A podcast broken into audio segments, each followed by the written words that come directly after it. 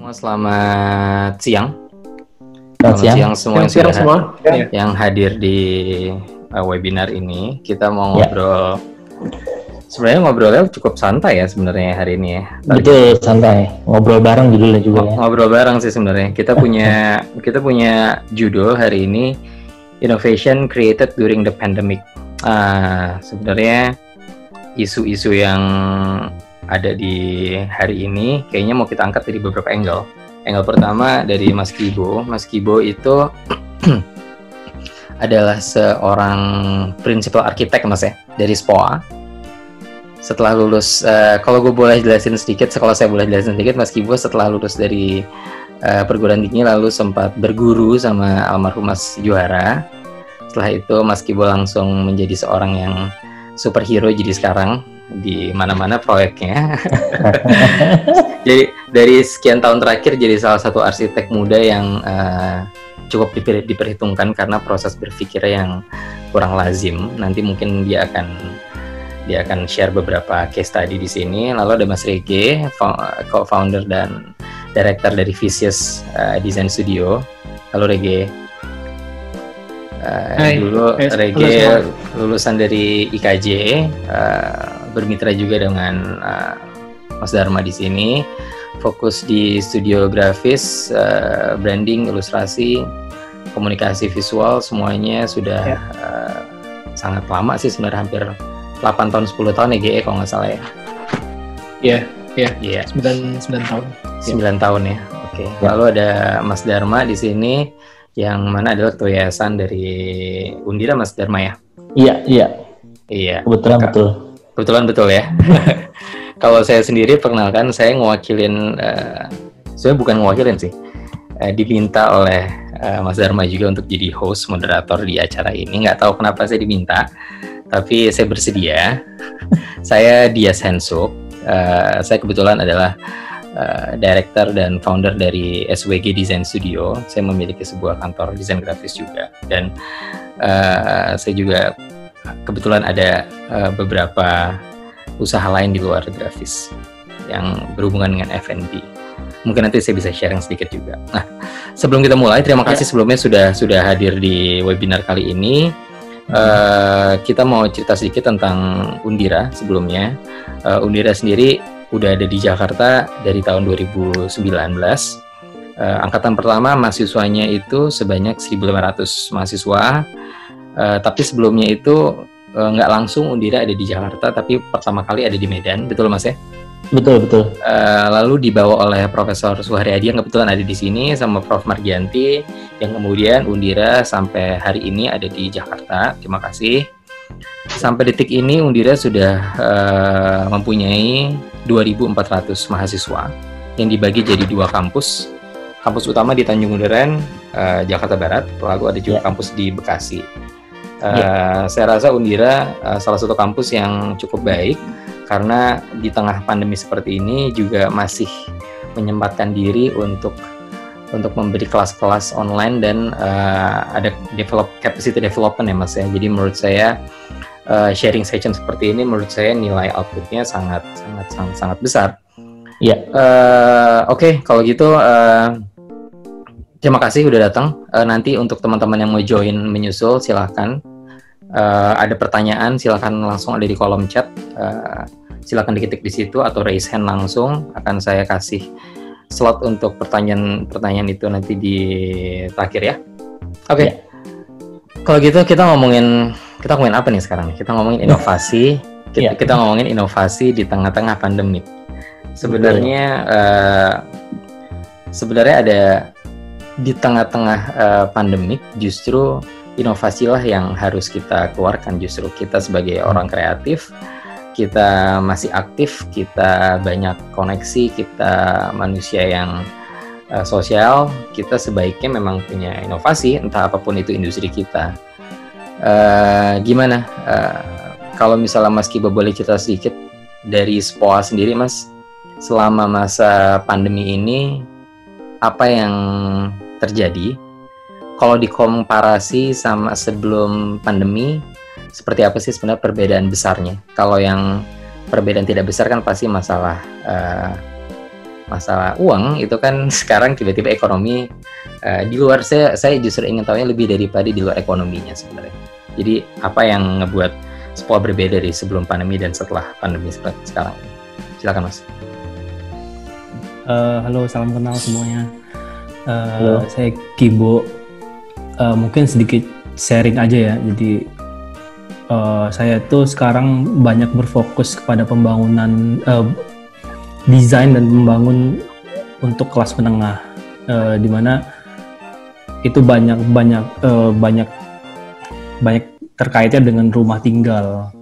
Jadi di tengah pandemik ini tuh sebenarnya kalau dibilang berdampak pasti berdampak, tapi juga bagi SPOA dan Redu House sendiri. Jadi Redu House itu adalah sebuah uh, apa uh, model yang kita ciptakan untuk supaya uh, kelas menengah bisa mempunyai kesempatan buat punya rumah yang berkualitas secara desain. Uh, jadi saya melihat di uh, apa di tengah pandemik ini justru sebuah uh, sebuah momen menguji kelas menengah sebenarnya.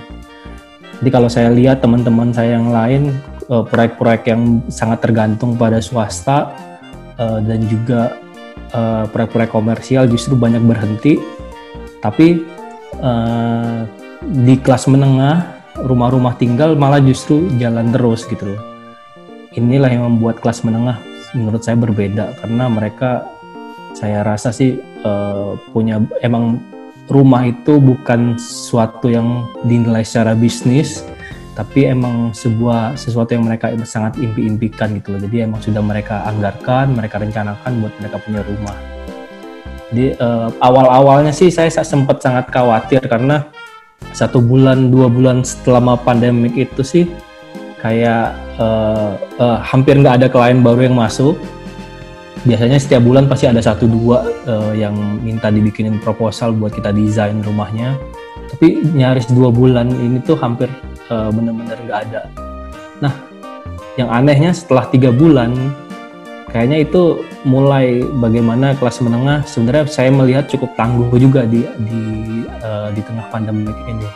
Rencana-rencana mereka untuk punya rumah itu uh, beda ya kalau misalnya uh, secara ekonomi it, uh, misalnya di di apa di bisnis komersil atau apa mereka pasti memperhitungkan sesuatu secara secara bisnis. Karena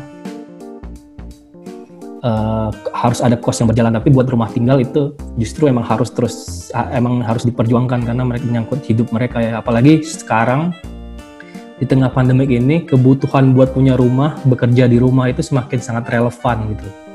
Jadi buat mereka punya rumah itu akhirnya uh, semakin apa ya uh, semakin bersemangat buat punya itu gitu. Dan kita setelah dua bulan setelah pandemik ini justru mulai lagi klien-klien yang tadinya nge-hold buat uh, jalan proyeknya tiba-tiba uh, menjalankan lagi. Makanya kalau dilihat emang SPOA nggak nggak banyak perubahan signifikan. Justru ini adalah momen kita buat menguji dari uh, model bisnis kita sebenarnya nah di kita sendiri sebenarnya di studio juga mengerjakan proyek-proyek dengan sangat efisien.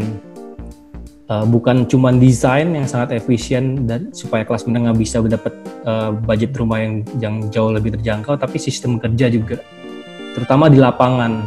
Nah, di lapangan itu buat proyek-proyek Redu House itu kan dari dulu emang kita menekankan bagaimana sebenarnya bekerja dengan tukang dengan komposisi yang sedikit dengan empat tukang, enam tukang maksimal itu bisa mengerjakan rumah layaknya dikerjakan oleh belasan tukang.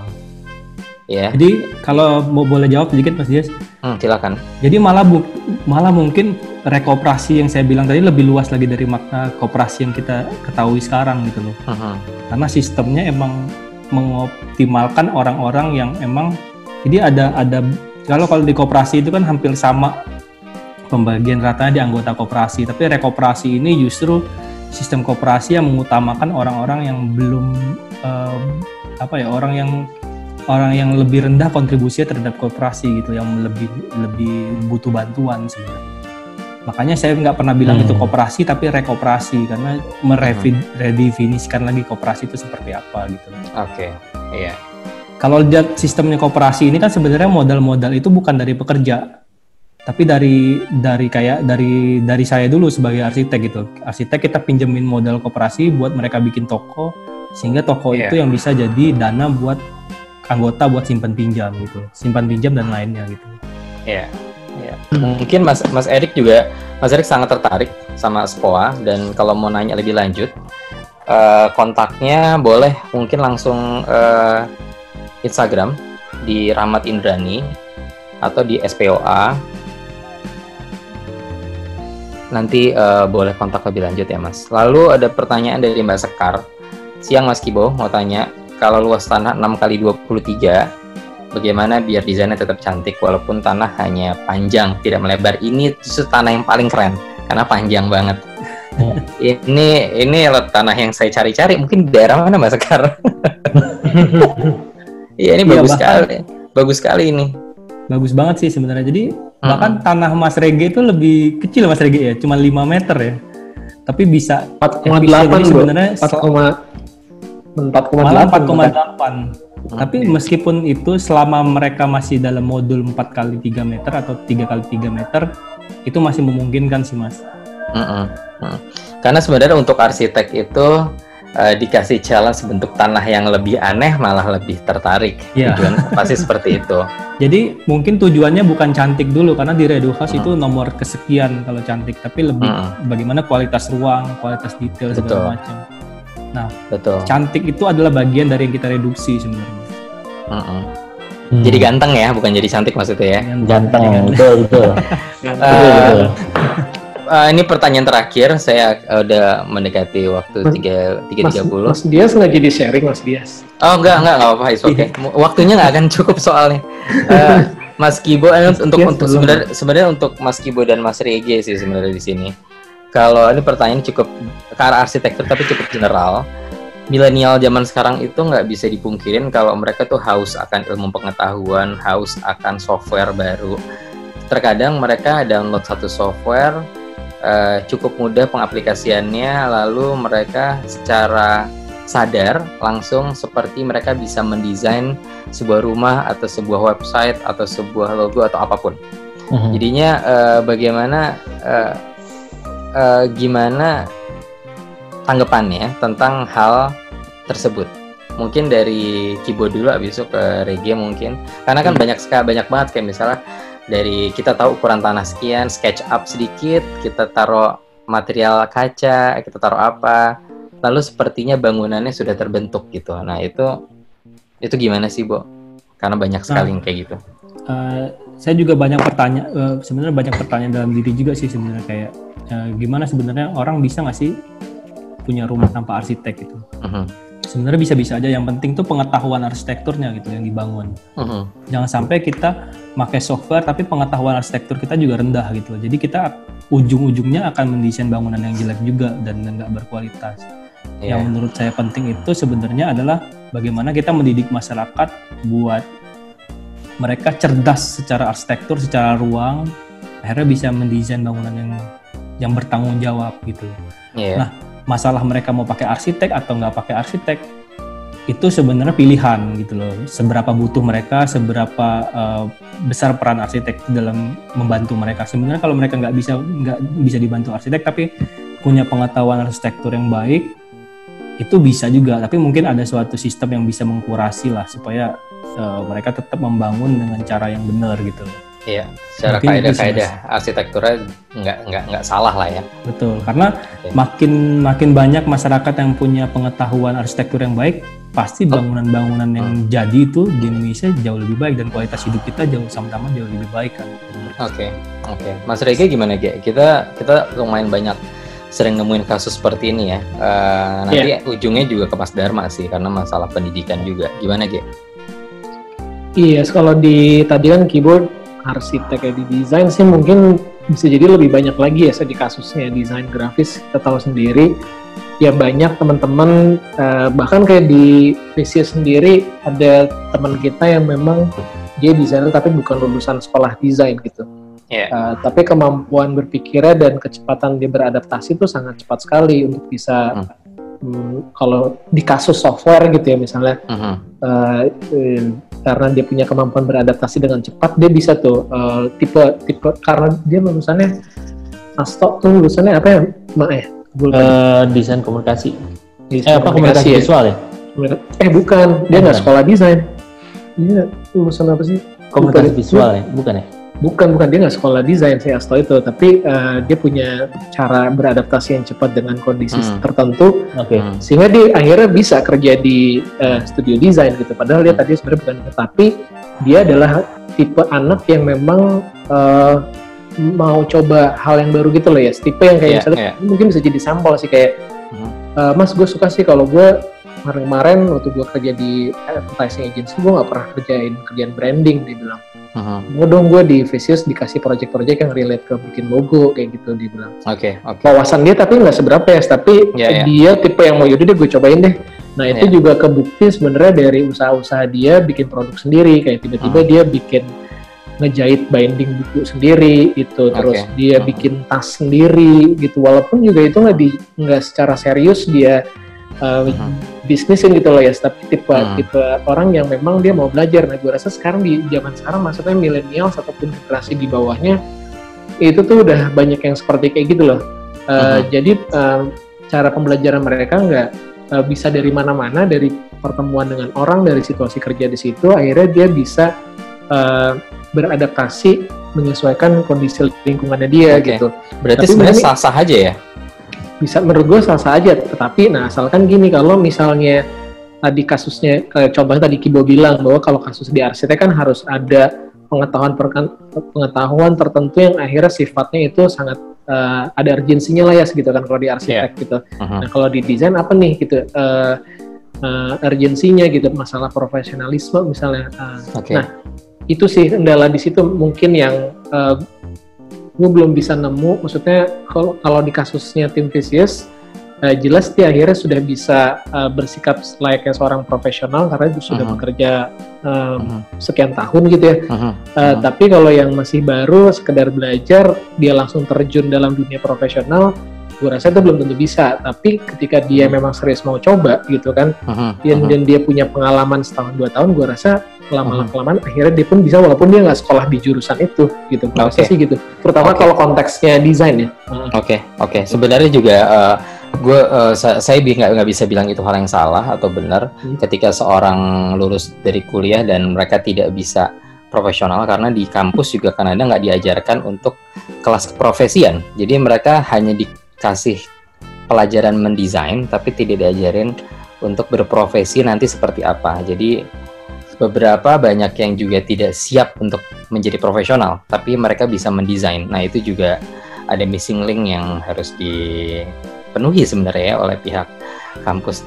Mas Dharma, gimana Mas? Uh, mungkin kayaknya harus ya.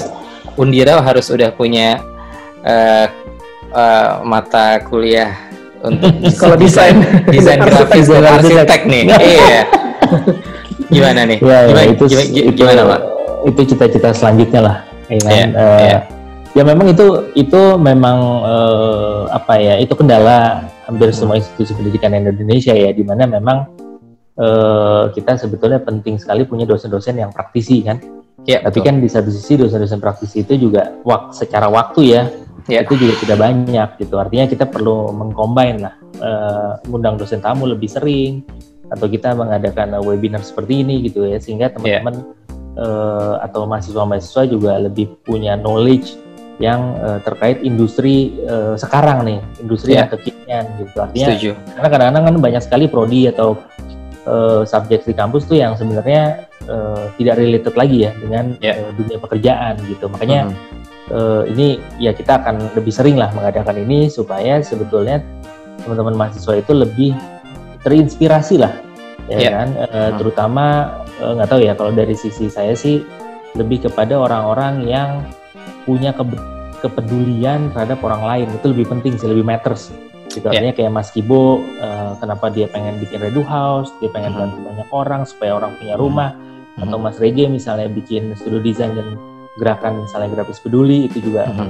uh, punya cita-cita untuk uh, membantu banyak orang juga gitu ya apalagi mm -hmm. bisa membantu UKM dan lain-lain gitu jadi mm -hmm kesuksesannya itu bukan seberapa besar omset yang kita punya, tapi Mhm. kesuksesannya lebih kepada seberapa banyak kita bisa bantu orang atau kita bermakna ke banyak-banyak sebanyak-banyaknya orang gitu ya seperti yang bokap gue ajarkan ya ya kayak Mhm. misalnya bikin undira gitu kan yang Mhm. kita lihat tuh bukan kita bisa punya omset atau dana berapa tapi kita Mhm. bisa bantu seberapa banyak orang untuk mereka bisa kuliah yang tadinya nggak punya kesempatan itu itu aja sih mungkin ya Iya. Eh, seperti itu sih ya ya ini kan eh, Mhm. ini sesi yang pertama lah ya Mhm. Eh, dan ini eh, ya mungkin sekaligus eh, karena waktunya sudah eh, sore Iya, ya Betul betul betul. menutup sedikit gitu ya jadi terima kasih banyak eh, Mas Dias atas waktunya Mas Rege Mhm. dan Mas Kibo gitu ya Eh, teri- terima kasih banyak karena telah menginspirasi eh, mahasiswa yang ada di. Undira Eh, Iya. mohon doanya juga supaya Undira terus berkibar gitu ya di tengah pandemi dan kita bisa eh, membantu lebih banyak orang lagi gitu sih.